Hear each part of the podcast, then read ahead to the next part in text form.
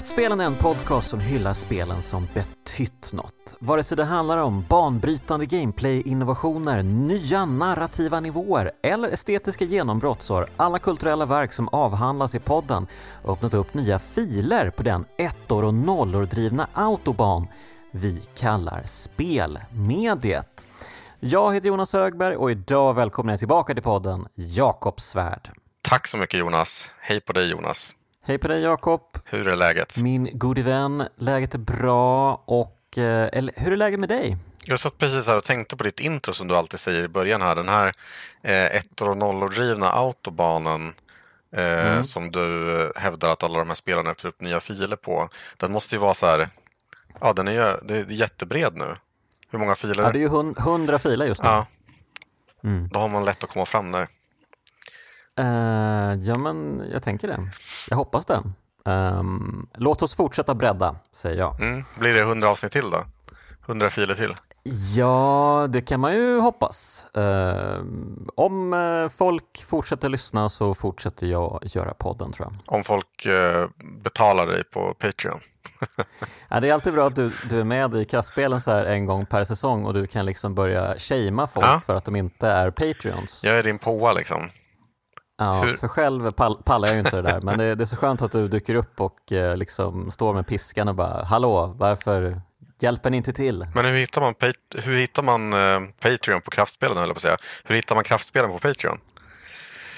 Ja, man kan ju då knappa in www.patreon.com och eh, sen ett litet slash och skriva kraftspelen. Eller så skriver man kanske bara kraftspelen och Patreon så tror jag att man hittar rätt också. Fy fan, vad, fy fan vad pedagogiskt.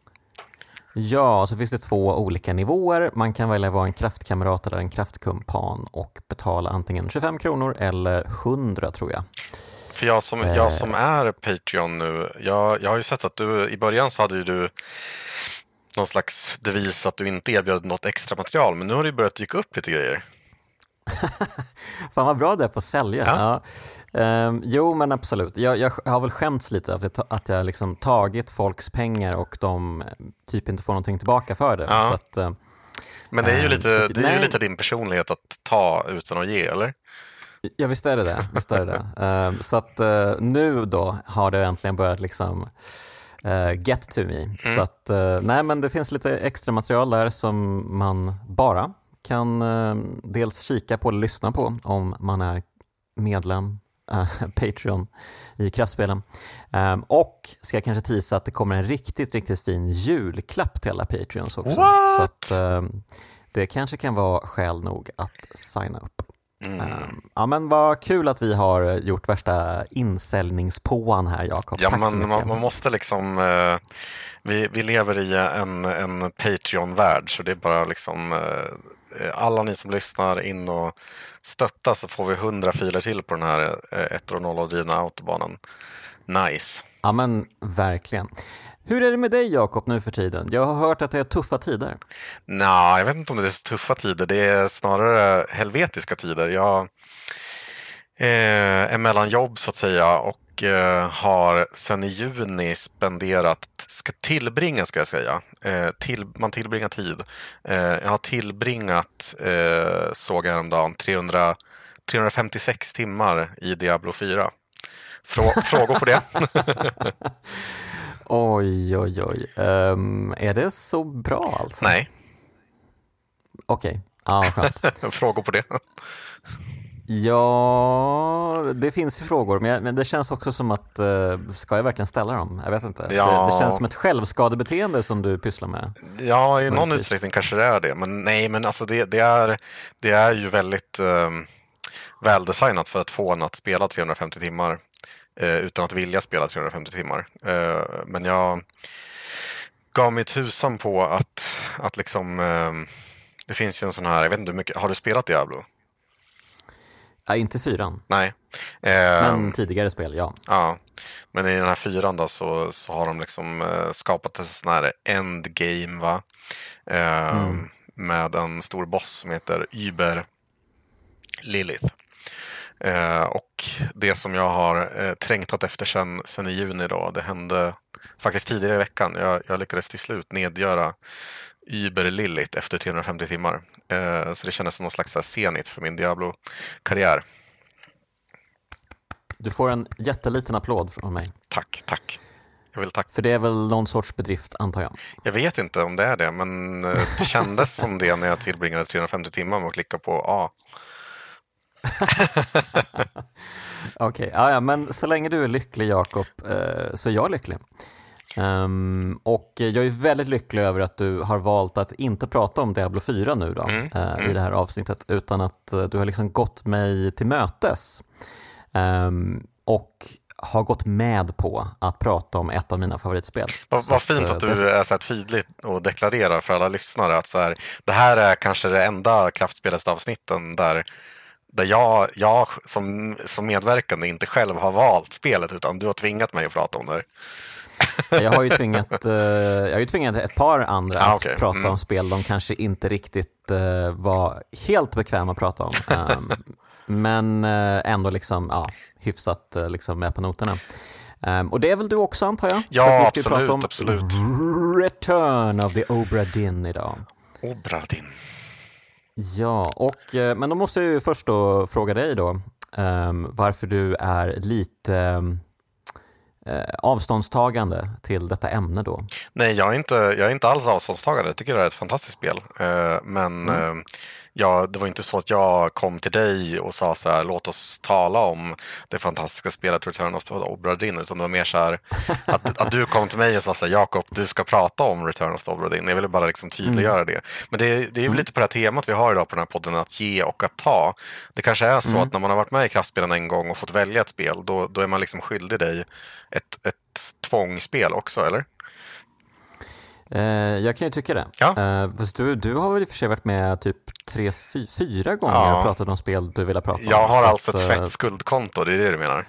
Ja, exakt. Så att från och med nu kommer du aldrig mer få prata om spel du vill prata om. Yes! Um, så att uh, bara så att alla är med på noterna här. Men ja, nej, men det här är ju verkligen ett av mina favoritspel. Um, kanske på min topp fem skulle jag säga. Oj, uh, oj, någonsin. oj. Jajamän. Um, jag uh, är ju nästan kär i skaparen Lucas Pope också så att uh, det här kommer bli um, känslosamt tror jag, det här avsnittet. Ja, det är ju uh, synd då att, att Lucas Pope är kär i sin fru Keiko Isasaka. Sade han läsandes. Precis. jo, ja, precis. Eh, och eh, han bor ju i Japan också, den jäveln. Så det är mycket mm, som, som åh, jag skulle vilja straffa honom för. Men, eh, men, ja, nej, men han har gjort två fantastiska spel, då, Papers, Please och Return of the Obra Dinn. Och han, är, han har väl i princip gjort allting själv, men sen har han ju fått lite hjälp såklart från folk. Um, som indieutvecklare som är autörer brukar få också. Mm -hmm. Men han har, Men, ju inte, han har inte riktigt en sån här, alltså det är många av de här autörerna som har någon slags så här, eh, komplett så här, outsider bakgrund. Så där. Men uh, Lucas Pope, och så vitt jag har förstått saken så han jobbade väl på Naughty Dog förut? Ja, precis. Um, jag minns inte vad det var han gjorde. Var han programmerare eller något sånt där? Det var något halvtråkigt jobb han hade ja. på Naughty Dog. Jag tror han jobbade med Uncharted-spelen. Mm, Exakt, och eh, det var väl kul tyckte han, men eh, han hade ju liksom ett, eh, ett behov av att få hävda sig på eget sätt och eh, ja, nej, det blev ju eh, första riktiga spelet från honom, Papers, Please, var ju liksom, det var ju en knockout of the park direkt. Så han, det var ju ett helt fantastiskt spel. Mm. Um, som handlade om en, ja, en tulltjänsteman. alltså det är, ju inte, det är ju inte ett superroligt spel, det ska man väl säga. Nej, men det är, det, är mycket, det är mycket känslor i det spelet också. Ja. Um, det, det, är verkligen eh, ett spel som liksom sätter fingret på ja, men hur mycket fungerade liksom i Sovjetunionen mm. uh, back in the day. Ja, men inte bara Sovjetunionen, många liksom totalitära stater. Liksom. Um, och uh, hur de där korrupta systemen fungerade i byråkratin och sådär.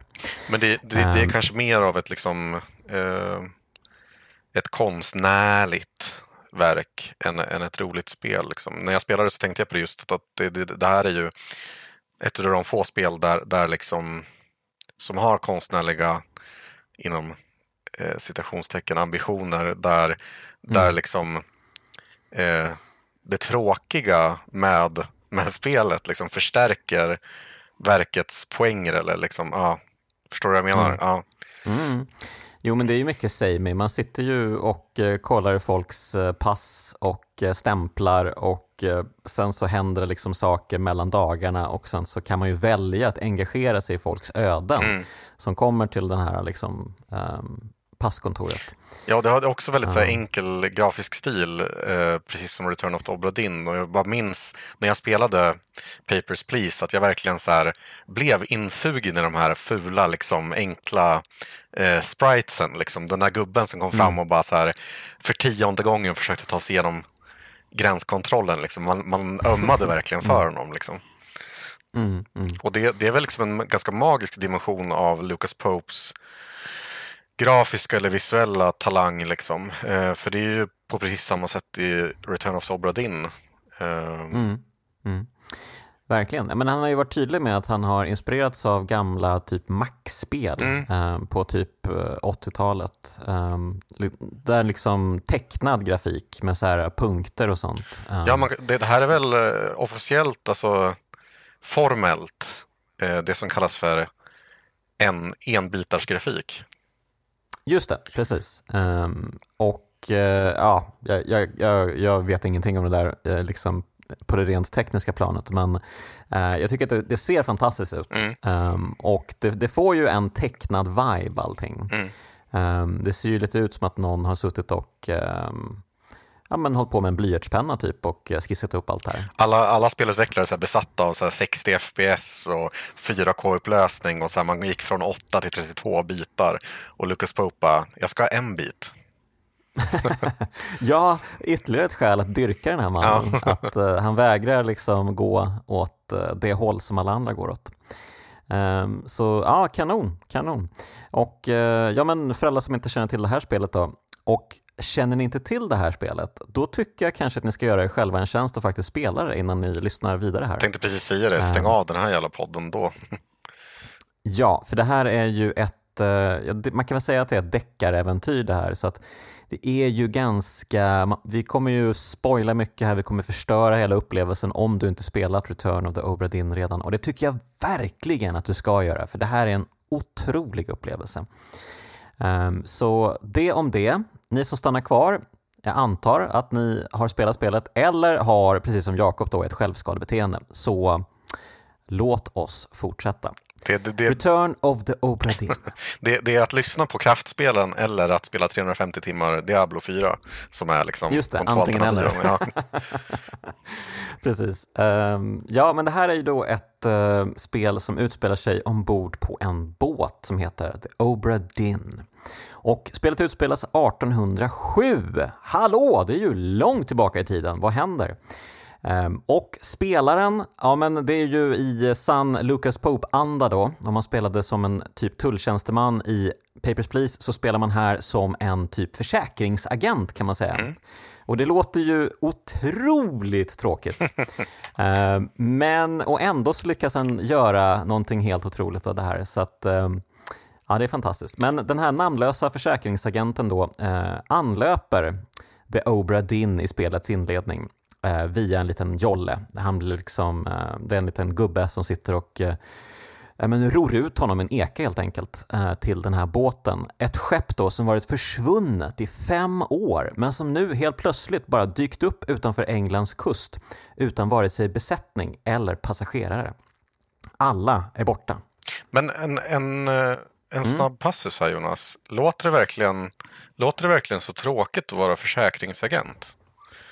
Hur menar du då? Nej, men jag, tycker, jag tror att det, jag har liksom eh, doppat tårna i det här lite grann när jag intervjuat försäkringsbolag och sånt där i mitt, i mitt uh, dayjob som frilansjournalist och det verkar vara ganska så spännande tycker jag. De jobbar ju mm. jättemycket med research och att förstå sig på liksom, mänskliga beteenden för att kunna optimera sina försäkringar så att säga. Men, men mm. jag tror att det de gör, eller det många försäkringsagenter gör, det kan nog vara ganska, ganska spännande. Mm. Ja, men det är ju onekligen spännande i just det här spelet också. Ja, verkligen. Ehm, så att, nej, men eh, det är väl lite av eh, poängen här att det kanske låter tråkigt på ytan, men det är ju allt annat än tråkigt när man väl liksom börjar sätta sig in i det här mm. ordentligt. Ehm, för man är ju en detektiv egentligen. Man ska ta reda på vad det är som har hänt här på båten. Och eh, ja, hade man inte haft en magisk manik så hade det varit ganska svårt skulle jag tro. Men man har ja. ju med sig, man har ju fått med sig en liten kista på den här ekan som eh, Rougekarn öppnar och eh, så får man då ett litet fickur som kallas för Memento Mortem. Mm. Och det här fickuret har den magiska möjligheten att återskapa det exakta dödsögonblicket hos eh, en person. Um, men då måste man liksom ha det måste finnas någon anknytning på något sätt till personen. Eh, man kanske kan hitta personens skelett. Då kan man, hitta, eh, då kan man även se det här dödsögonblicket. Ehm, och eh, ja, sen finns det andra anknytningar som är lite mer luddiga, men det kanske vi kommer till också. Mm. Men, ja, men Jakob, berätta lite. Jag vet inte, har du spelat spelet innan eller var det här första gången du spelar det nu? När jag tvingar dig spela det här spelet? Eh, nej, alltså jag har haft den här på min liksom, att, att spela lista i sen det kom ut egentligen 2018. Eh, och sen har det blivit liggande för att jag har varit tvungen att döda massa monster i Diablo 4 och andra sådana här eh, giftiga spel. Men det var bra. Det, det känns bra att du liksom tvingar mig in i kvalitetsspelsvärlden eh, igen så att jag liksom får uppleva någonting som är värt att uppleva. Eh, men det här var för, alltså första gången jag spelade det här spelet. Eh, mm. Och precis som du säger så blir man ju helt liksom tagen av den audiovisuella, audiovisuella upplevelsen. Liksom. Det, det är, ah. det är eh, kan, alltså man, eh, ordet unikt, det är lite sletet va? Mm. Men, Men du man, tänker användare? Jag, jag funderar på användare. Eh, liksom, ah. vad, vad, vad, tänker du? Är det, flyger det? Ja, jag tycker att det flyger. Ja. Eh, om jag har det på min topp fem så måste det ju ändå vara tillräckligt unikt ja. för att uh, kunna uh, saluföras ordet här. Ja. ja, och jag får inte vara så orolig av mig. Så jag, jag, säger att det här, det här är uh, unikt när det kommer till liksom, det, det, man tittar på och det man lyssnar med med sina ögon och öron. Mm. Mm. Det, det liknar ingenting annat. Så kan man väl säga. Jo, det, ja, i och för sig. Eh, jag vet inte om du har spelat det. Det finns ju ett, eh, ett mm, sån här eh, Castlevania Metroid-spel som heter Gato Roboto. Mm, jag har spelat. Mm, det har också lite sån här tidig Macintosh-grafik. Men det är liksom ändå inte, det är ju ett, ett um, spel som man ser ur ett tvådimensionellt plan. Så att det är liksom... Ja, nej men jag tror nog ändå att liksom, uh, den är inte lika utpräglad, nej. Uh, tycker jag i alla fall. Alltså det, det är så tydligt det är liksom tecknad stil i det här spelet. Mm. Uh, samtidigt som det är liksom första persons vy. Och och eh, allting är liksom, ja, men väldigt detaljerat ändå i den här liksom begränsade um, ett-bits uh, upplösningen eller vad man ska kalla det. Liksom. Man, alltså, um, det, jag undrade genast när jag började spela det här, det var liksom, är det här någon slags här tekniska begränsningar för att Lucas Pope är liksom en, en enmansarmé med några inhyrda förmågor som har fått honom att använda den här stilen? Eller tror du att det är liksom medvetet eh, från början till slut så att säga? Jag tror definitivt att det är medvetet från mm. början till slut. Mm. Um, han skulle nog kunna göra ett snyggare spel, alltså snyggare, alltså rent liksom, tekniskt snyggare kanske. Mm. Um, fast det kanske också är fel att säga, för det här är ju rent tekniskt otroligt snyggt spel. Exakt. Fan också. Um, nej, men det tror jag inte. Jag tror att han har haft uh, den här tanken hela tiden. Att, att det är liksom ett led från Papers, Please som ju hade lite liknande stil ändå. Mm. Uh, men det här är ju så otroligt, för det är liksom en monokrom färgskala också. Det är ju mm. inga färger i princip. Utan det är väl lite liksom åt det gula, gröna hållet möjligtvis, uh, som man ser allting. Um, och eh, nej men, eh, så att, ja, det, det, kanske, för jag har hört att vissa, liksom, det, det, här, den här stilen kan tära lite på ögonen hos vissa. Mm. Um, så att det kanske man ska ha med sig också. Men uh, det är ju um, det är otroligt förförisk den här grafiken. Mm, och verkligen. inte minst musiken. Oj, oj, oj. Jag har ju eh, suttit hela veckan lång och lyssnat på soundtracket till ja. det här spelet. Det, alltså om, det, om, om uh, grafiken är liksom alla års graffa så är ju musiken uh, alla års uh, dänga. Det, fy fan vad mysig och härlig musiken är. Men det sätter den verkligen på plats här 1807 på en båt. Ja, alltså jag älskar verkligen inledningsmusiken för den låter ju väldigt så här liksom eh, sjörövaraktig mm. i början.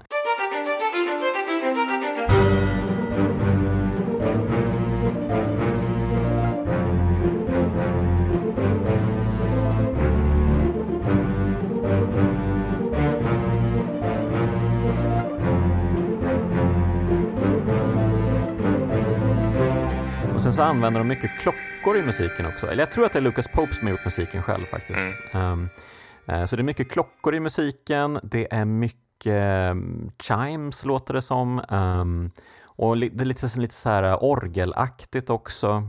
Um, så det är liksom en, en salig blandning. Men det är ändå liksom, uh, alla tracks är ändå, man känner ju igen att det här är en del av ett och samma liksom spel, ett och samma liksom ljud eh, bibliotek nästan. För ja, det är ju otroligt, otroligt eh, snyggt gjort, eh, musiken. Och framförallt, min, min favorit är ju, eh, den heter Soldiers of the Sea. Eh, vilken är en helt fenomenal låt som börjar liksom smygandes och sen så bara blästar den på för fulla muggar liksom.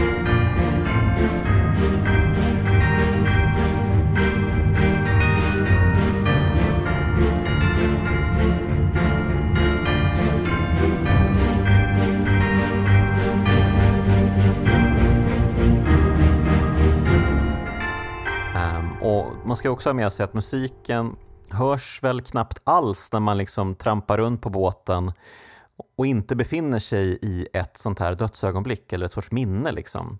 Men när man väl kastar sig in i de här minnena, då kommer musiken och den kan ju liksom den kan ju torna upp sig som en, som en storm verkligen över spelaren. Så det, det är ju, eh, man blir ju nästan mm. lite överrumplad när man väl kastar sig in i de här um, dödsögonblicken. För det är ju liksom, man ska väl också säga att de här dödsögonblicken, det är ju verkligen dödsögonblick. Man hamnar ju mitt i, tiden har ju frusit, man hamnar ju mitt i liksom, uh, man kan ju själv gå runt i den här lilla dödsögonblicket då. Men, men alla andra är ju stilla och uh, ja, så händer det en massa konstiga saker runt omkring och så kan man se, ja där uppe är det någon som faller från himlen. Eh, och eh, här borta är det någon som blir spetsad på med ett sprut mm. och mm. Mm. sådär. Ja, men det, det, är väldigt effektivt just det där att varje, varje stycke tonsätter ett specifikt minne och liksom ramar in det på ett väldigt effektivt sätt. Sådär. Um, mm. Mm. Det är väldigt, uh, väldigt välskapt. Men berätta, vad är, det vi, vad är det vi möts när vi kommer ombord här på The Obra Dinn? Eh, ja, men då möts vi ju av eh, inte så mycket egentligen till en början. Det, det här är ett väldigt så här, tyst eh, mm. och implicit spel så, så att den förklarar, det är liksom inga, inga eh, menyer som poppar upp och berättar hur du ska göra eller sådär utan du har ju din klocka eh, och sen går du runt i första persons perspektiv på det här skeppet och sen så det enda som egentligen syns när man, när man går ombord på det här skeppet är att det ligger liksom ett, ett skelett i kläder eh, lite snett till, till vänster in mot kaptenshytten. Eh, så traskar man bort dit och då så tar eh, spelarkaraktären upp den här memento mortem-klockan. Eh, och sen så kastas vi rakt in egentligen i den första sån här eh, dödsminnet. Mm. Ja, och eh, det är verkligen en perfekt inledning tycker jag att börja med mm. slutet. Mm. För det, det, är ju som så ofta förr, liksom, det, det, är väldigt effektivt att börja där och sen försöka liksom, eh, rulla tillbaka bandet hela vägen till början. Ja. Eh, men det funkar inte riktigt så heller, eh, Obradin, för man hoppar ju väldigt mycket i tiden när man undersöker de här olika minnena. Ja, och så är det ju inte egentligen, um, det är inte det kronologiska slutet man börjar med. För att den här personen som har blivit skjuten då, det förstår man ju ganska snabbt att han har blivit skjuten av kaptenen. Eh, mm. Men sen går ju kaptenen in i hytten och brottas med en annan person och sen så sätter han sig på en stol och eh, tar livet av sig. Så det är liksom, det, det är Förstår du vad jag menar? Det är liksom eh, I berättelsen mm. så är det eh, slutkapitlet men, men eh, man upplever mm. det liksom ja, i kronologisk ordning ändå. Det där blev jag lite förvirrad av i början. Mm. Mm, mm, mm. jag förstår. Um, men precis. Men det, det är ju väldigt, uh, man, man, kastas ju in i det här hotfulla minnet verkligen. För att det står ju tre män utanför kaptenens hytt och hotar med att uh, Ja, men de hotar ju att döda kaptenen om han inte ger dem uh, någon sorts mm. skatt som de pratar om. och kaptenen ja, men han säger ju bara att nej men jag har kastat den över bord, det, det går inte. Ni, här, ni måste lägga av med det här nu. Um, och uh, ja, men de, de, eh, lyckas uh, ta sig in, eller kaptenen öppnar dörren och skjuter en av dem och sen lyckas han övermanna den andra samtidigt som den tredje liksom klättrar runt på båten. Och han smyger sig, på honom. Han smyger sig på kaptenen bakifrån och eh, lyckas väl sänka en kniv i honom samtidigt som kaptenen lyckas döda honom. Så kaptenen övermannar ju tre pers här egentligen. Han det, det var min första iakttagelse, vilken jävla så här, eh, superhjälte den här kaptenen verkar vara. Ja, men det här, är, det här är ju verkligen en av um, storheterna med spelet tycker jag. Uh, det här att man alltså via såna, de här ögonblicksbilderna snabbt, liksom, supersnabbt skapar sig en uppfattning om de här personerna och mm. börjar liksom förstå sig på dem och eh, hur, de, ja, men hur de dels liksom deras relation till varandra, eh, hur saker har barkat hän. Eh, det, det, är så spännande att se. Det är så mycket det här liksom, eh, det mänskliga psyket på något sätt förklarat i den här handlingen. Hur alltså vanliga människor kan drivas till sammanbrott och till framförallt hjältedåd. Mm. Ehm, det får man ju se många exempel på i spelet faktiskt. Det, det jag tänkte på var liksom att det känns nästan som att eh, spelkonceptet eh, bygger på någon så här slags extremt låg skärmuppdatering om du förstår vad jag menar. Alltså, i, en, I en film som rullar i 24 bilder per sekund eller liknande, då, mm. då, då får man ju så många eh, så mycket information att det, att det känns som att sakerna händer. Eh, man får se hela händelseförloppet. Men här är det som att eftersom vi, vi, vi liksom deltar i händelser som är frysta eh, och, och liksom man får se händelseutvecklingarna eh, liksom bild för bild. Eh, det är som att först sker ett mord och så ser man en fryst bild och sen mm. så vandrar man bort lite utanför det här minnet och så ser man nästa frysta frame. Liksom. Um, så det blir mm. nästan som att man, ja men det är precis som du säger, när man, när man får den här extremt eh, låga FPSen, alltså det är så långt mellan, mellan bilderna så att säga, då måste man liksom, då börjar hjärnan direkt arbeta för att, på samma sätt, det var ju så här eh, roligt eh, experiment när man gick på dagis eller sådär. Jag vet inte, du fick säkert också göra det, men när man fick ett blädde, blädderblock liksom och ritade en mm. bild och så ritade man eh, någonting som hände på nästa papper och så kunde man liksom flärpa de här sidorna så att, så att det blev som en film. Liksom. Jag tänker att det är lite mm. så eh, det är samma mekanism liksom i hjärnan, att man, man, mm. man, man, får liksom för lite information för att se hela händelseförloppet och det gör att hjärnan börjar liksom fylla i luckorna. Ja, men det, det, är ju som att spela en serietidning eh, kan mm. man säga. Um, och det här har vi pratat om tidigare i kraftspelen, framförallt med en viss Carl Johan Johansson och det pratade vi alldeles nyss uh, om igen, nu vet inte du än, men uh, i det avsnitt som kommer snart, uh, eller som har kommit redan med Carl Johan. Um, Han, vi pratar ju än en gång om den här fantastiska eh, serieromanen Understanding Comics och eh, hur man liksom, ja men hur de trycker på att eh, allt, allt är bra. Det är, liksom, det är upp till läsaren själv att mm. fylla i det som händer mellan serierutorna. Mm. Um, och det är ju verkligen samma sak här i Return of the Obra Dinn.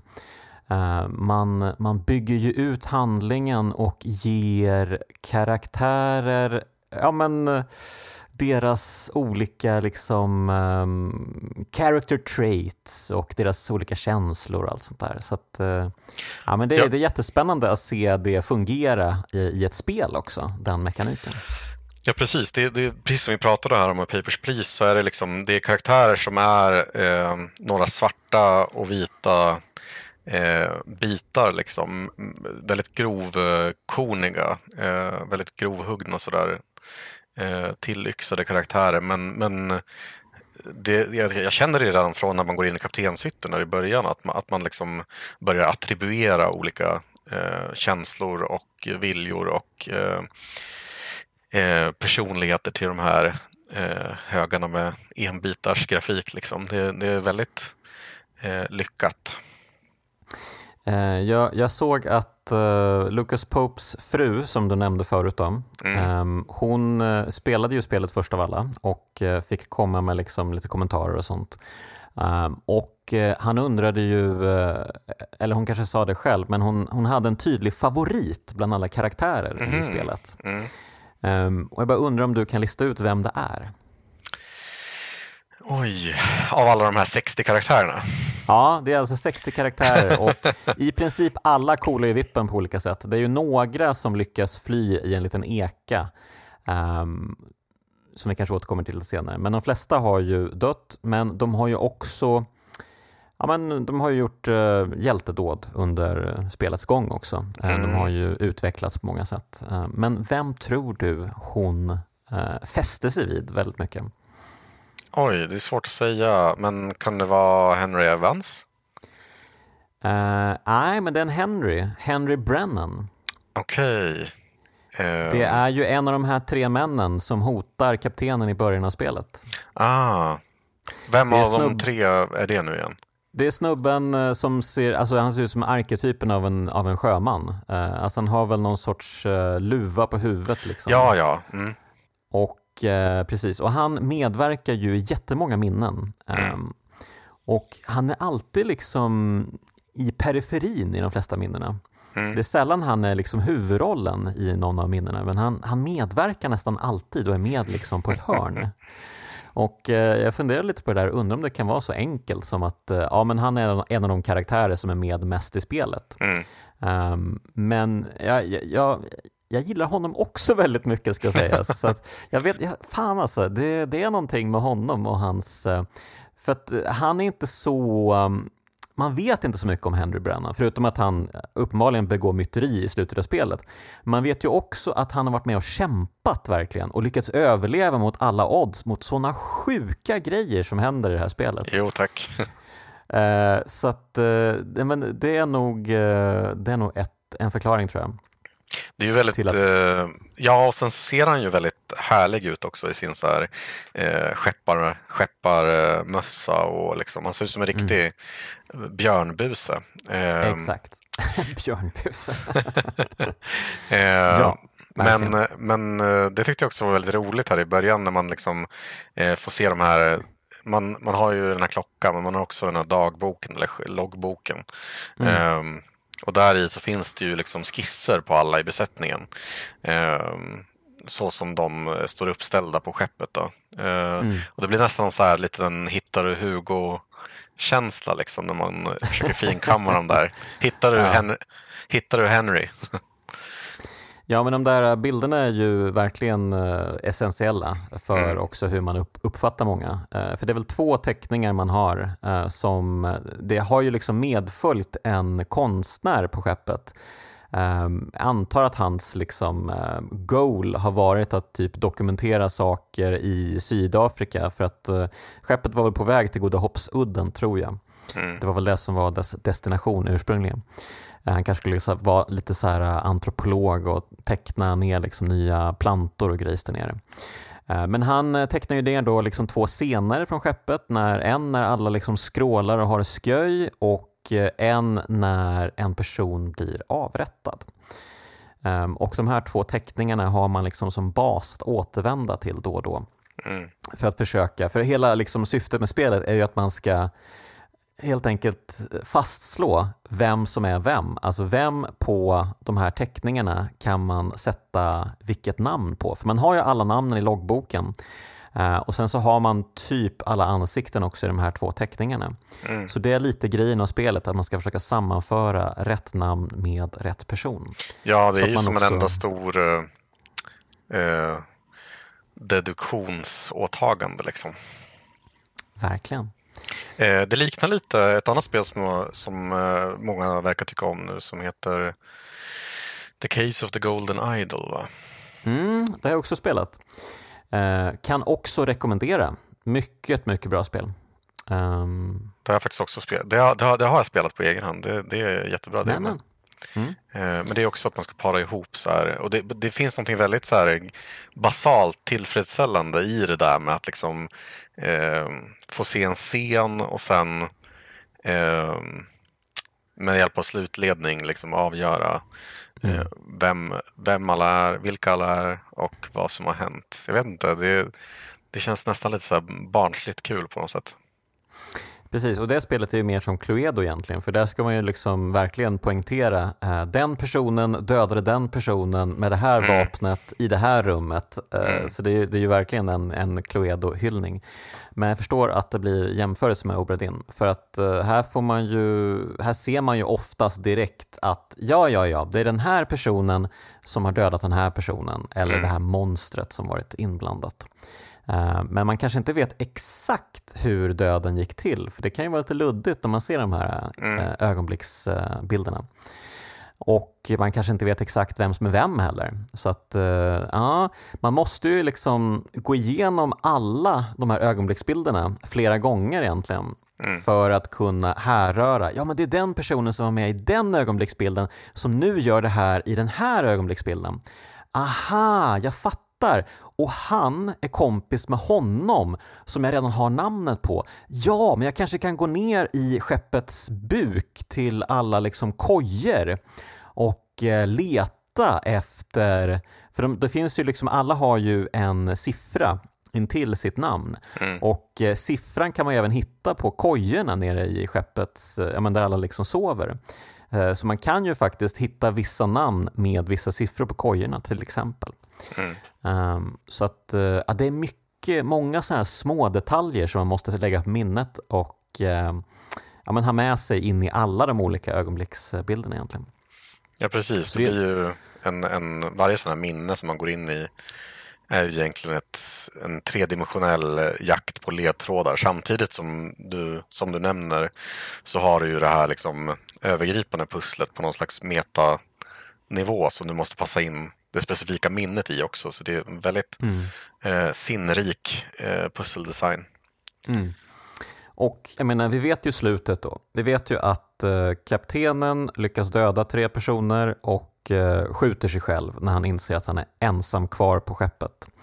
Men visst hade det eh. varit, eh, inte, inte för att kritisera ditt favorit, ett av dina fem favoritspel, men hade det inte varit lite, lite snyggare om man började med kaptenens självmord? Ja, kanske. Um, ja, möjligtvis. Kanske. Jag vet inte. Men um, nej, jag tycker att det är bra som det är. Um, mm. Och nej, men jag, jag, tycker ändå att det är viktigt att man först får se kaptenen göra ett stort hjältedåd. Att mm. uh, döda och övermanna tre personer.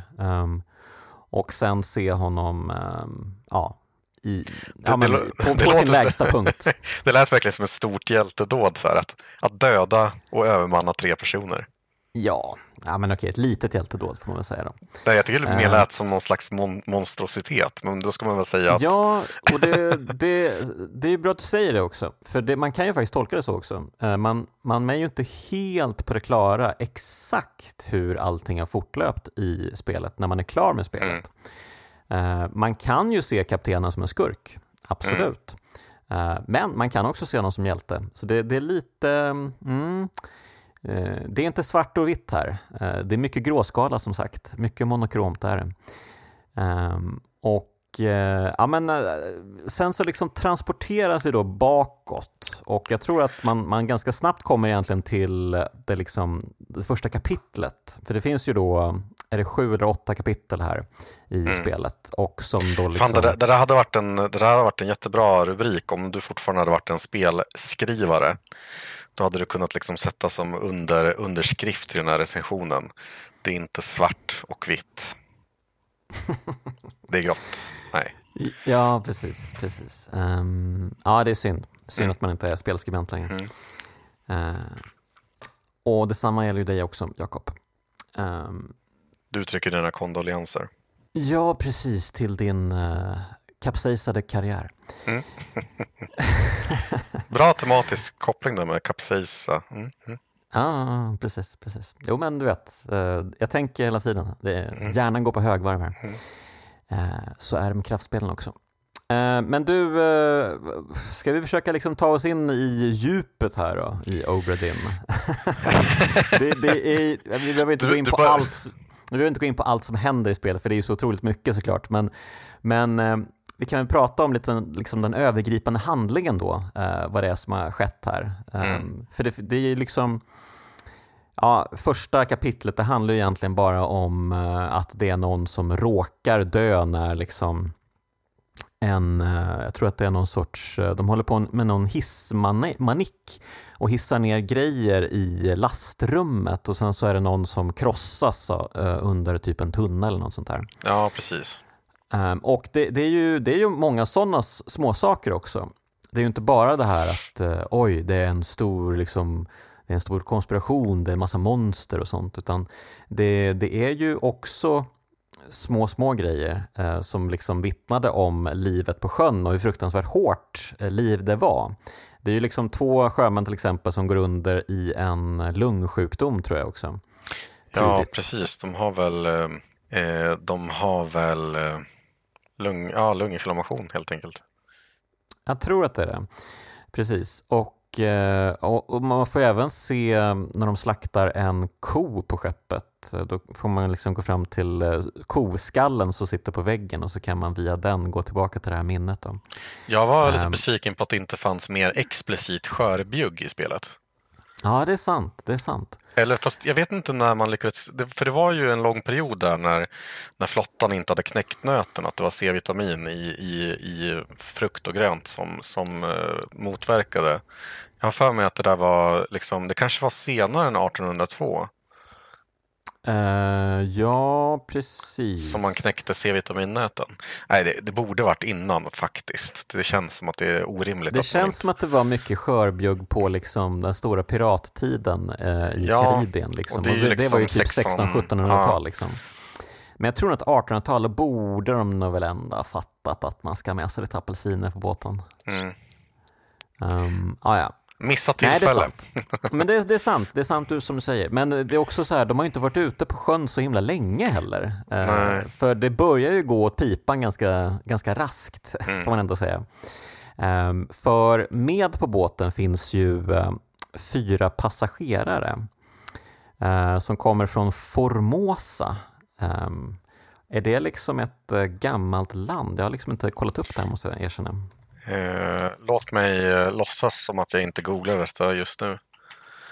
Ja, det var en kortlivad republik som fanns på ön Taiwan. Um, ja, en gång i tiden.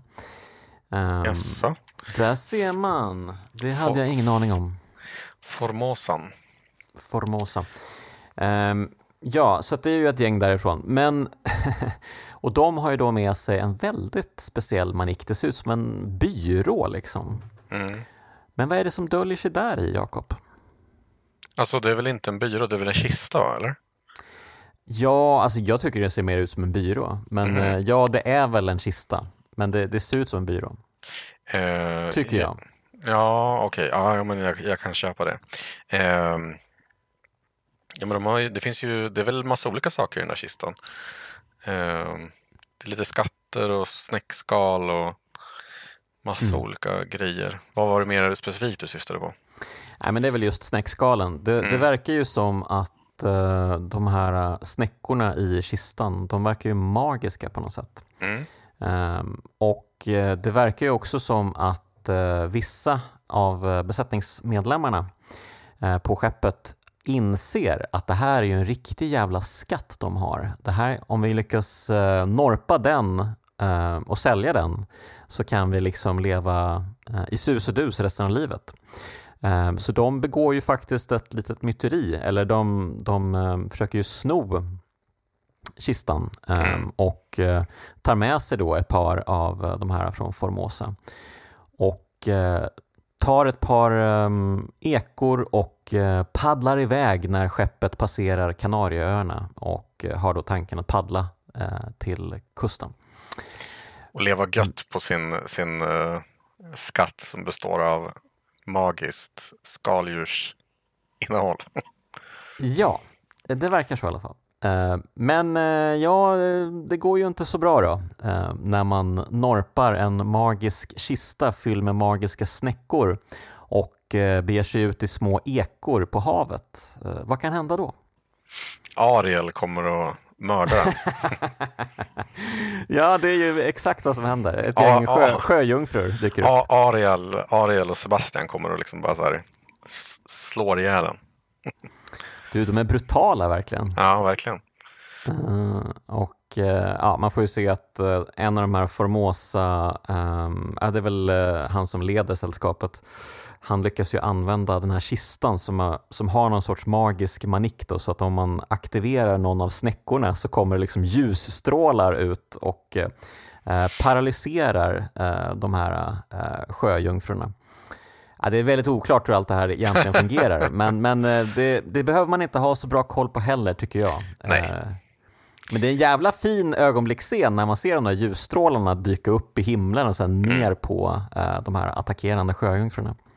Ja, och det är väl liksom inte så mycket de så fina dragen i storyn som är intressanta utan mer det här som vi var inne på, liksom pusslandet och, och karaktärsskapandet genom de här eh, mm. frysta ögonblicken. Så, att, så här, om man tycker det här låter eh, lite jönsigt med sjöjungfrur och annat så behöver man inte lägga så stor vikt vid det. Nej men verkligen. Och eh, jag tycker väl ändå att det är en ganska, ganska kul take på uh, sjöjungfrur och uh, havsmonster som Lucas Pope kommer med. Mm. De är ju ganska farliga, alltså fruktansvärt farliga. När de sen, ja det slutar ju med att den enda liksom överlevande besättningsmedlemmen inser att han omöjligen kan ta med allt det här själv till Kanarieöarna utan han liksom lyckas ta, ta tillbaka båtarna till skeppet. Um, mm. Blir skjuten omgående av uh, den enda överlevande Formosa-killen uh, som är kvar. Um, och, uh, ja, och sen så börjar ju alla sjöjungfrur, för de tar ju ombord alla sjöjungfrur, för det är ju liksom en stor grej. Oj, vi har hittat en massa sjöjungfrur, fan vilken grej. det här måste vi fira. men de är jättefarliga och börjar liksom skicka iväg spetsar och pilar och gris när de liksom tas ner i lastrummet. Eh, så det är mycket så här papphamrar som sker hela tiden. ja, eh, verkligen. Mänskliga... De är så jävla otursförföljda alla på båten. Mänskliga misslyckanden mot en så här relief av uh, Monsters Be Here uh, sjömonster liksom. Mm, verkligen. Eh, precis, och eh, det, det som gör då att de har tagit till fånga eh, de här sjöjungfrurna det innebär ju också att eh, resten av havet blir, blir pist på Obra Dinn. Mm. Så eh, det dröjer ju inte länge innan ja, men det kommer otroliga monster. Det kommer bläckfiskringar, det kommer räkbufféer. Nej, oh. det gör det ju inte. Men det, däremot så kommer den här eh, klassiska, vad heter den? Kraken. Kraken. Kraken. Kraken låter gulligare. Mm, jag kan kalla den Kraken. Kraken. Uh, precis. Och uh, det kommer ju även ett gäng uh, Ja, det är väldigt krabbor. svårt att beskriva dem för det ser ju ut som krabbor men det är också människoliknande saker som rider de här krabborna. Mm. Um, så det är väldigt skum um, befolkning, I guess. Jag gissar att det här kanske är någon sån här från, vad kallas det på svenska, folklore, alltså mm. någon, någon, typ av demon som finns beskriven någonstans som Lucas Pope har hittat. Säkert. Ja men precis. Eh, men, men som sagt, det är inte så viktigt egentligen vad de är eller så. Det som är viktigt är ju att de är otroligt skrämmande och eh, lyckas döda stora delar av besättningen. Mm. Ehm, och Det är väl inte så mycket det egentligen att besättningen är ett gäng eh, jönsar som inte får saker och ting gjorda. Det är väl det också att eh, de, de drabbas ju givetvis av skräck och panik när de här monstren dyker upp, vilket ju är fullt förståeligt. Eh, men de liksom anpassar sig också till situationen väldigt snabbt.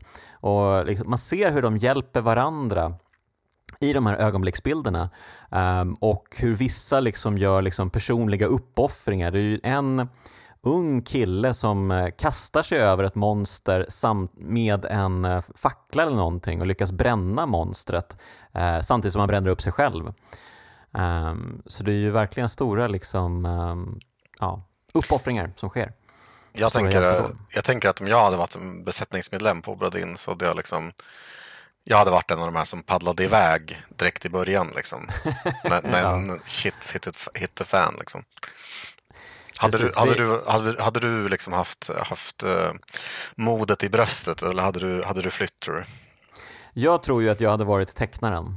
Ah, Okej, okay. tacksamt uppdrag. Så, som liksom försöker hålla sig lite på sin eget håll. Ah. Men som ändå ja, eh, åker dit då, eh, lite otursaktigt. För han, han sitter ju liksom i båtens akter tror jag det är. Ehm, och det är liksom öppet ut där och där, där sitter han liksom och tecknar för det mesta.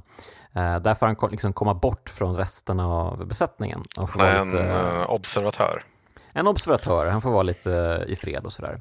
Eh, men grejen är ju då att eh, han är ju eh, liksom sittande byte för kraken och blir ju, jag tror att han blir mosad typ av en kraken bläckfisk-tentakel. Så Mys. ja, det hade varit mitt öde tror jag. Mm. Mm.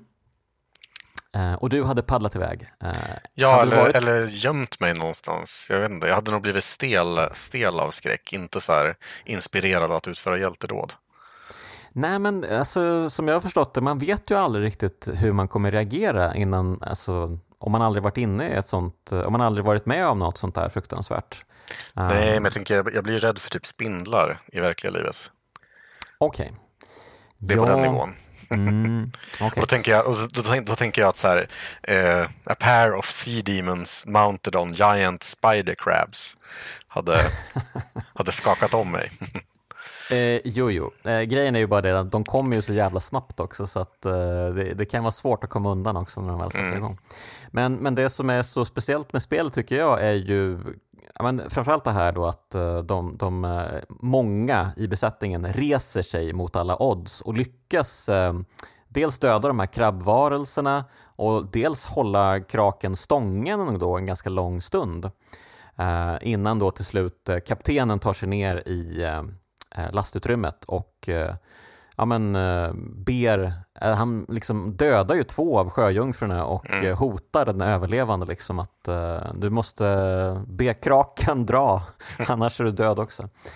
Um, Vilken kar. Ja men verkligen. Um, så att, uh, ja, precis. Men, men sen är det ju också det här att det, blir, det här föder ju så många andra liksom um, eh, saker, de här monstren. Hos, det, det, föder ju monster i människorna också. Precis, det är en eh. allegori för toxisk manlighet. precis. Är det, är det, så vi tolkar det? Det är så jag väljer att tolka det. Ja. Um, precis, för, för, efter de har lyckats eh, stävja um, kraken, kraken försvinner ju till slut och stormen uh, ja, försvinner också, uh, så Ja, men det är tydligt att uh, de, de som överlevt, uh, de mår ju inte så bra liksom. och uh, de börjar ju liksom, de gillar ju inte kaptenen för att det verkar ju vara han som, varför skulle vi ha de där sjöjungfrurna för? Ah, det var inget bra. Eh, vi, ska, vi ska, nu blir det myteri och sen så är det någon som lyckas uh, lyssna på det här. Ah, nej, de, han kommer varsko kaptenen. Döda honom! Nej, du dödar honom! Jag dödar dig! Och sen så ah, blir det kaos liksom. Det, det är en mer våldsam triangle of sadness. Ja, verkligen. Uh, och sen så är det ju då faktiskt uh, ett gäng som lyckas hoppa in i en eka och lämna båten. Mm. Uh, och det är väl lite med kaptenens medgivande till slut. Um, för att det är ju några som försöker stoppa dem från att åka och till slut så säger kaptenen åt dem, äh, låt dem dra bara. Liksom.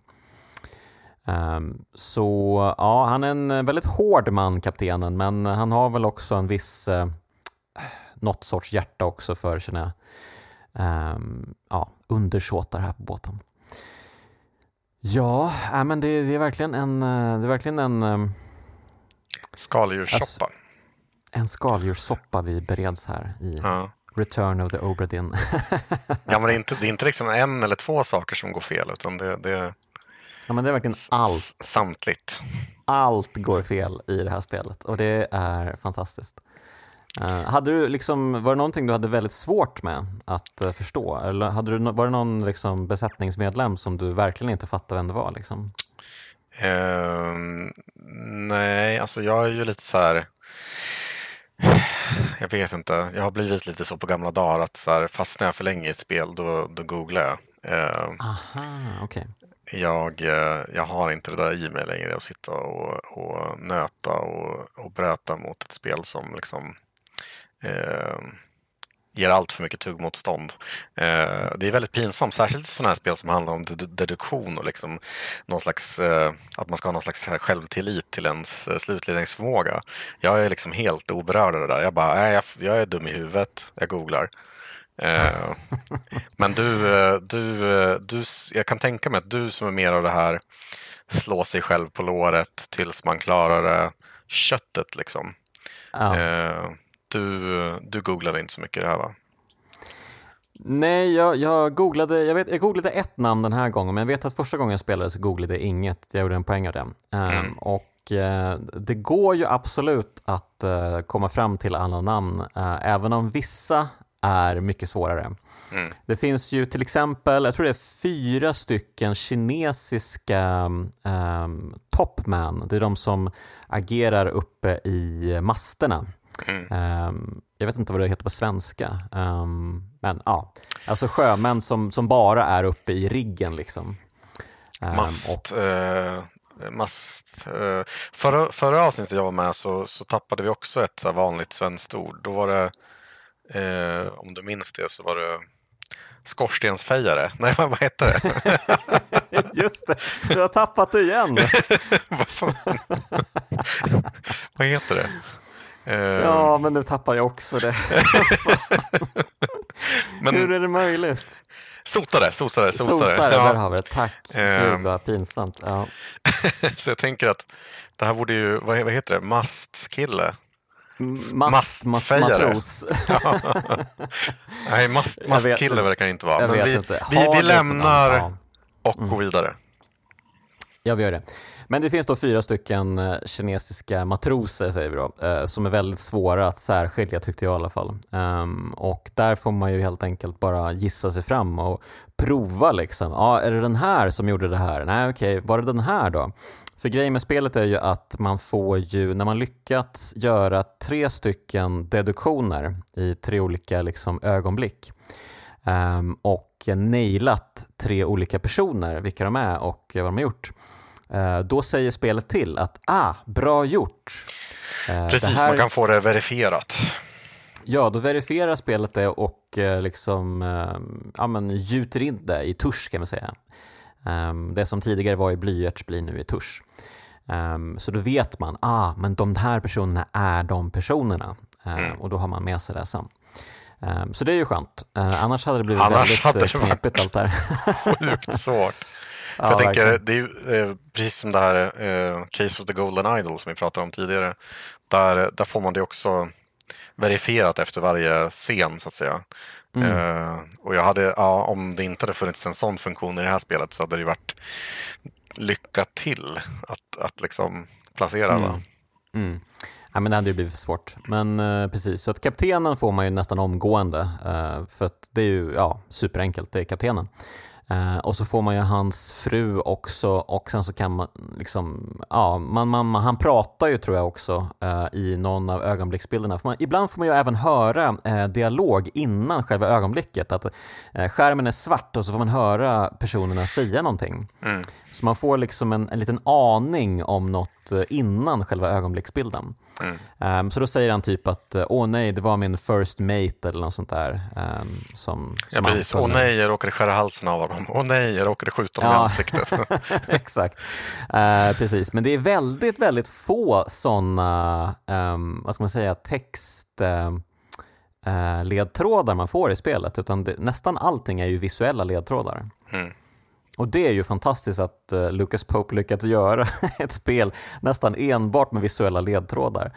Att man liksom går runt i vissa ögonblick bara för att ja, men man, man liksom går bort från själva mordet som skett och så går man liksom runt och kikar på alla som står runt omkring och bara hmm, varför står han bredvid honom? Mm. Och så försöker man liksom Ja. ja, och det är så många sådana smarta, liksom, eh, jag tänker lite på det här Hittar och Hugo som vi var inne på tidigare, att liksom, det är som någon slags här, Hittar och Hugo i 3D. Man, man liksom vandrar runt i de här scenerna och det är, det är många så här smart gömda visuella ledtrådar. Eh, mm och eh, saker som händer, ja men du förstår, eh, liksom inte i ens omedelbara närhet. Man måste liksom vandra omkring i minnet för att upptäcka, ja men till exempel den här killen som smyger sig på kaptenen i, i det inledande kapitlet och så vidare. Eh, det är inte, mm. det är mm. inte liksom genast uppenbart, så man måste gång på gång hela tiden utforska eh, skeppet på nytt. Liksom. Mm. Det är ju också en väldigt effektiv, ett effektivt användande av det här liksom med att återupptäcka miljöer. Det är ju ganska lite, alltså skeppet är ju inte, det finns några våningar, eh, det finns några olika rum och sådär, men det är ju inte ett jättestort såklart geografiskt utrymme egentligen, utan det är mer liksom att man, eh, det blir lager på lager med hjälp av de här minnena som läggs på mm. eh, utrymmet. Precis, och sen så leder ju vissa minnen till andra minnen. Det är ju mm. tydligt att uh, den här liksom memento mortem-klockan uh, man har börjar skaka. Och liksom, ah, då vet man, okej okay, jag kan klicka på en knapp nu så kommer det liksom susa iväg typ en osalig ande till en plats där ett lik låg en gång i tiden men som inte längre finns kvar. Um, och så kommer den att uh, ja, men finnas där sen när man kommer tillbaka till båten så ser man liksom en avspegling av ah, men här låg den personen uh, när den dog. Liksom. Så då kan man gå runt bland alla olika kroppar och uh, ja, men helt enkelt ta sig in i historien i alla dessa vindlande gångar som finns. Ja, det är, ja, det är fantastiskt. Det är verkligen ett spel jag uh, tänker på ofta det här. mm. um, jag kan inte säga att jag tänker på det lika ofta nu för tiden. Alltså så här, uh, efter att jag har spelat det. Vad, vad, är det som stannar kvar hos dig eller vad är det som får dig att återvända till det liksom, i, i, inuti ditt skallben? Men det är, jag skulle säga att det är en kombination av nästan allting i spelet. Det är ju den, dels den här audiovisuella upplevelsen som verkligen är helt otrolig. Mm. Um, alltså den här jävla musiken, uh, det händer att jag nynnar på den lite då och då. Mm. Um, även när jag inte har spelat spelet på uh, flera år så kan jag återkomma till de här klockorna liksom och bara dum, dum, dum, dum, dum.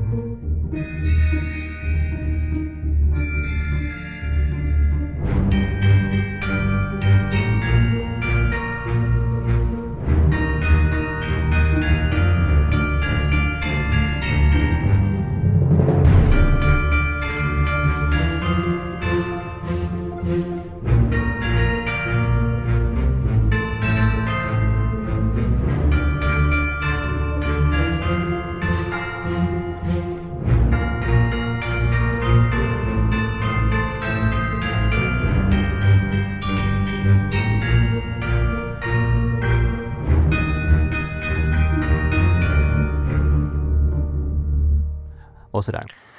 Extra, uh, extra material till, eh, till Patreon? Ja, när jag liksom nynnar alla låtar. Ja. Mm, det kommer, det kommer. Uh, nej, men, och, uh, nej men alla de här fina historierna också. Uh, det är ju egentligen inte, det är ju inte några liksom storslagna liksom Marvel-hjältehistorier här inte, men det, jag blir ändå lite rörd av att det är så många som försöker göra sitt bästa när allting verkligen liksom ser som mörkast ut. Mm. Um, så jag tycker att även om det är ett mycket mörkt spel där så finns det så mycket, det finns så mycket värme i spelet ändå. Um, och eh, så mycket uppmuntrande historier här att ta del av. Um, och man kan ju inte klara spelet till fullo då om man inte eh, lyckats hitta alla öden eh, som man kan hitta på båten. Och sen så går man ju ner i ekan igen när man är klar då. eh, även om man har några som man inte liksom har pinpointat. Eh, men om man lyckats med allting så seglar man iväg och eh, sen så kommer ju då ett år senare så kommer den här loggboken tillbaka till den här namnlösa försäkringsagenten tillsammans med eh, klockan, tillsammans med en aptass. Aparm, ja. och då får man se vad som hände inne hos sjöjungfrurna i det här lastutrymmet. Mm som varit låst på båten och som man inte kunnat komma in i. Eh, men då får man se de sista grejerna. Och det är liksom inga häpnadsväckande grejer som vänder upp och ner på hela storyn. Mm. Eh, och det är väl kanske det jag gillar också framförallt med det, att det bara är Ja men okej, nu får vi se lite. De, jag visste inte exakt vad det var som hände där inne, men jag hade liksom ett hum om vad det var som hände. Okej, och det var liksom inget spektakulärt. Eh, den här svensken till exempel som blev fängslad i, tillsammans med sjöjungfrurna eh, försökte använda sig av den här kistan och snäckorna. Eh, men gör man det så bränns man ju ihjäl för att det är liksom något fruktansvärt material i dem liksom, som inte människor tål. Ehm, och så finns den här fina doktorn, va? eller nej, inte doktorn, det är någon av the first eller second mates tror jag, som ligger där inne. Um, och så får man ju brev också från överlevarna um, som liksom berättar att uh, ja, men det vore verkligen härligt om du kunde liksom naila alla, det vore fantastiskt. Um. Mm. Ja, men det, det, är ju lite det där, jag tänker många som spelat igenom det här spelet kände nog när man var tvungen att åka därifrån utan att ha kartlagt alla, att, så här, att det gnager i en. Liksom. Mm. Um, och då, då, då, får man sitt lystmäte när det kommer till liksom, den här gotta catch them all. Uh, ja, verkligen.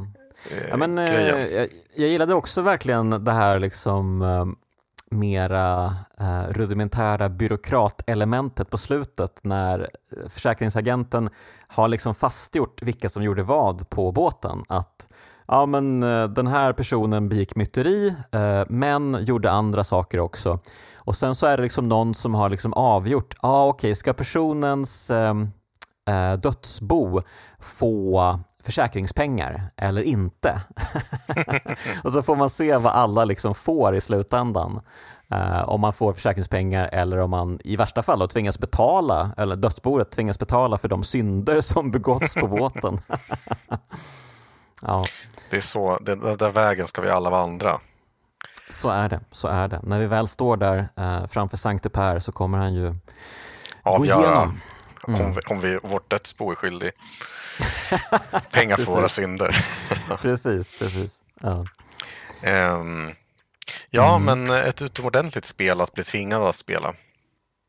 Ja, men vad skönt att du tyckte det. Jag, jag kände mig lite taskig ändå.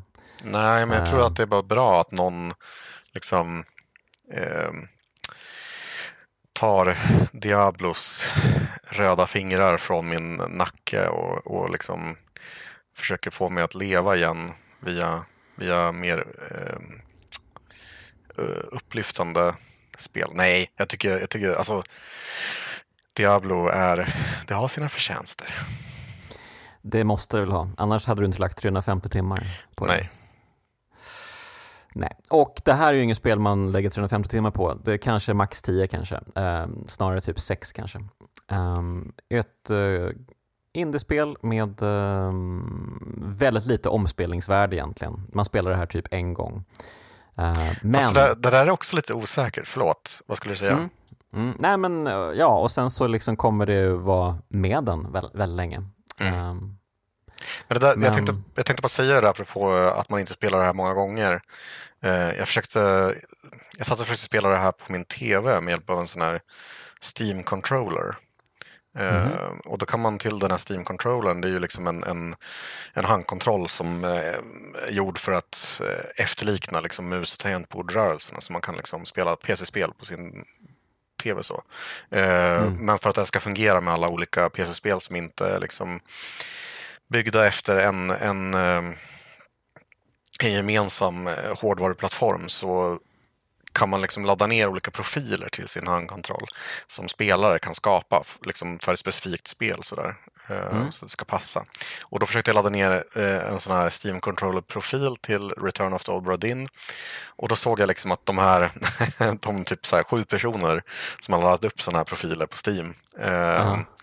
de hade så här ja, den ena hade så här 600 timmar spelade. Eh, jag vet inte, de kanske har låtit spelet stå på liksom, på en dator, liksom, men mm. ändå, jag tror att så här, vi kommer ifrån ett ganska här, speciellt håll. Åtminstone sen vi började skriva om spel, tänker jag, när, när det var så här, man hade redaktörer som var så här, eh, du ska spela det här spelet till på tisdag och skriva om det Mm. Uh, och sen ska du spela om det här andra spelet, uh, sen ska du spela det här andra spelet till på fredag mm. och skriva om det. Så jag tänker mig att så här vanliga, dödliga, vanliga vanliga människor som inte lider av sjukdomen spelskribent, uh, de, de kanske spelar varje spel mer än vad vi gör, jag vet inte. Ja, jag vet inte om det går hand i hand med det liksom, de säger. De har väl gjort forskning på det där att de flesta varvar ju inte spel. Um, är det så? Att spel i regel är för långa och mm. att typ 60% eller någonting aldrig ser ett spels uh, slut. Mm. Um, men det kanske ändrats, vad vet jag. Det var väl ett par år sedan jag såg den, um, den rubriken i alla fall. Ja, nej men eh, det här är ju ett spel man gärna liksom befinner sig i, absolut. Och bara liksom eh, Lyssnar gå, och runt, gå runt på skeppet och lyssnar mm. och tittar, absolut. Eh, det I, tre, ju... I 350 timmar? Nej, nej det tror jag inte. men, men var, det, var, ja. inte du, var inte du som hade spelat 800 timmar uh, Slay the Spire? Ja, men the Spire är väl ändå annorlunda. Ja, jo, jo. Eh, det, är inte, det, det, är inte, det är inte en upplevelse så. Det är, liksom... det är lite en annan grej och ja. jag skulle nog säga att det är typ 1600 timmar nu. Oj, oj, oj. Eh, jag har den... spelat som satan senaste året. Ja, men jag har liksom spelat 350 timmar Diablo. Jag tror, att, jag tror, jag tror kanske att det är det spel jag spelat längst. Liksom. Ett mm. spel. Mm. Jag, kan, jag kan liksom inte föreställa mig att sitta 1600 timmar framför ett och samma spel. Nej, det kunde inte jag heller tills jag mötte Slay the Spire. No. har, du något, uh, har du något annat spel som du har spelat sådär länge? Uh, nej, det är bara det. Jag, alltså man har ju spelat uh, typ Skyrim och sådana spel i kanske 100 timmar. Mm. Bara för att det fanns typ material för 100 timmar i de spelen. Mm. The Witcher 3 kanske också, något sånt. men Nej, det är inte så att jag liksom, åh nu börjar andra varvet och spelar om äh, ännu mer. Dark Souls kanske jag spelat också 100 timmar, men där är ju ett varv kanske 20 timmar. Så att, mm. äh, Nej, men 100 ja. timmar har jag nog spelat många spel, men, mm. men liksom de här, alltså, Ja, jag vet inte, jag har gjort lite efterforskningar i min bekantskapskrets. Så det är många som spelar samma spel, alltså 500-600 timmar. Och jag har mm. inte förstått att, att riktigt att, att det är en grej. jag får liksom... nu då? Med ja, precis. 4. Ja, mm. exakt. Ditt nya favoritspel? ja, jag vet inte. Um, det är liksom, ja. Um, Nej, det har varit en resa att spela ett, ett och samma spel så, så länge. Liksom. För man, man märker verkligen det att här, när man recensionsspelade spel som spelskrivare, då... Mm. Um, man, jag, jag, kan tänka mig så här att alltså så här, eh, jag tror ändå man, man förstår ett spel bättre, mer på djupet liksom efter, efter ett antal hundra timmar. Uh, och där du kan tror jag liksom... det? ja, jag, jag spyr också ur med banaliteter idag känner jag. Men, men, uh, nej, men det, det, mm. hade varit intressant att se vad man tyckte om några av de här spelen som man, som man uh, har skrivit om och, och liksom höjt mm. i skyarna om man hade spelat dem väldigt, väldigt Ordentligt. länge. Mm. Ja, mm. Ja, precis. Ja, men, eh, jag får ju omvärdera vissa grejer när jag spelar om spel i kraftspelen, även om jag bara liksom spelar om dem för att, eh, ja, inför ett avsnitt och spelar kanske en genomspelning bara. Um, så känns det ju ändå som att det, det har hänt saker. Liksom. Vilket, vilket kraftspel har du varit tvungen att omvärdera mest, tror du? Hmm, det är en bra fråga. Jag menar alla, alla kraftspel är ju inte guld som glimmar om man säger så. um, det, det har ju verkligen, uh, jag tänker kanske mest egentligen på de spel jag inte spelat och som folk bara, ja men det här är ju helt fantastiskt, det här måste du ju spela, wow vilket jävla spel och så bara, ja men det här var ju skönt att jag inte har spelat egentligen. Um, det har ju varit så med ett par stycken. Uh, det kanske är lite elakt att nämna spel egentligen så, här, så. men uh, ja. Men, eh, nej, men det finns absolut ett par stycken som jag varit besviken på, besviken på och ett par stycken som jag när jag spelat om dem känt att uh, ja, det var kanske inte helt rätt min ursprungliga värdering av det. Det kanske kommer som Patreon-material att du liksom rangordnar alla kraftspel och har det på en lista liksom på internet som man kan gå in och kolla. Sådär. Oj, ja det kanske kan vara något faktiskt. Um, Fy fan ja, får fundera på det saken. Fy fan vad jobbigt. hundra, hundra kraftspel som ja. man ska rangordna. Topp hundra, oh my god. Ja. Och då måste du ha liksom olika parametrar. Så här. Den här får nio i graffa och tio, tio i control. Mm. Just det, viktigt att det heter graffa och control också. Ja. Mm. Ja, det får mig att minnas en enklare tid när man körde med alla de där liksom eh, separata betygen i Superplay och Superpower. Ja, vad härligt det var. Det var så Jonas. dumt, men det var så härligt också. Jonas? Ja, ja, ja, ja. Jag undrar så här. Eftersom mm, du, mm. du har tvingat mig att spela det här spelet snarare än tvärtom så tänker jag att jag kan kanske fråga dig så här. Jonas Högberg, mm. vad är det som gör Return of Solbrodin till ett kraftspel? Ja, nu sitter, nu, nu sitter jag här med byxorna nere, för det här brukar jag ju vanligtvis eh, fråga mina gäster och själv inte tänka så mycket på. Bara, ah, vad skönt, jag bara lämpar över den här liksom, skitmackan i, i, ehm, i knät på gästen. Ja, men nu är det din uh, tur att betala. Nu är det min tur att betala. Uh, nej, men jag tror väl, jag har väl ändå varit inne på det mesta här, uh, att eh, det är ju ett spel man verkligen, verkligen, verkligen måste uppleva själv tycker jag. visst, vi har pratat om det i drygt en timme här, och strösslat med de stora orden här, verkligen. Men det här är en sån unik upplevelse att du gör dig själv en otjänst om du inte spelar det här spelet. Även om du tycker att det ser konstigt ut. Ehm, jag tycker att du bara ska liksom släppa dina fördomar, och ifall du har dem, och eh, kasta dig över Return of the Obra Dinn. Och ehm, eh, jag lovar dig att det kommer vara liksom värt de hundra spänn kanske spelet kostar. Ehm, det, det, är verkligen en upplevelse du aldrig kommer vara med om igen, det vågar jag nästan lova. Och uh, framförallt, oh, så jävla mysigt spel verkligen. Den, den grafiken, den musiken um, och de upplevelser som väntar ombord på båten Obra Dinn. Herregud, du måste spela. Det låter ja. som en mysig uh, sea shanty. Verkligen. Ja, eh, jag får väl eh, kanske då Jakob till nästa gång eh, ge dig i uppdrag att komma på ett spel igen. Ja, men jag tyckte det här var, det var väl trevligt med ett lite så subversivt avsnitt där du är gäst i din egen podd. Ja, det var väl i och för sig lite så i jubileumsavsnittet där med Super Mario World också. Ah, även om vi båda två um, tyckte lika mycket om spelet, jag och Viktor där. Men, mm. Uh, men absolut, här kändes det lite mer som att du bara, uh, jaha, vi låter väl honom mala på då. Får se vart det här barkar hän. Um, och jag vet faktiskt inte själv vad det blev av avsnittet. Hoppas att det gick att lyssna på. Ja, men det, ehm. det tror jag. Um, yes. Jag kommer lyssna men, på det. Är det sant? Nej, det är inte sant. Nej, jag tänkte väl det. Det lät lite weird faktiskt. Men, ja. Eh, jag hoppas som sagt att uh, alla spelar spelet. Och uh, Spela. det innebär att vi tackar Jakob Svärd för ännu en storstilad insats i kraftspelen. Well, okej. Okay. Okej okay insats i kraftspelen. jag tackar Jonas för, för en... Jag tyckte du fann dig snabbt där när du blev gäst i din egen podd. Mm. Ja, och eh, tack till alla som lyssnat såklart och alla som är Patreons och alla som eh, mm, kanske funderar på att bli Patreons. Kanske Patreon, Patreon, Patreon. Mm, absolut, absolut. Den där julklappen vill ni inte gå miste om, det lovar jag.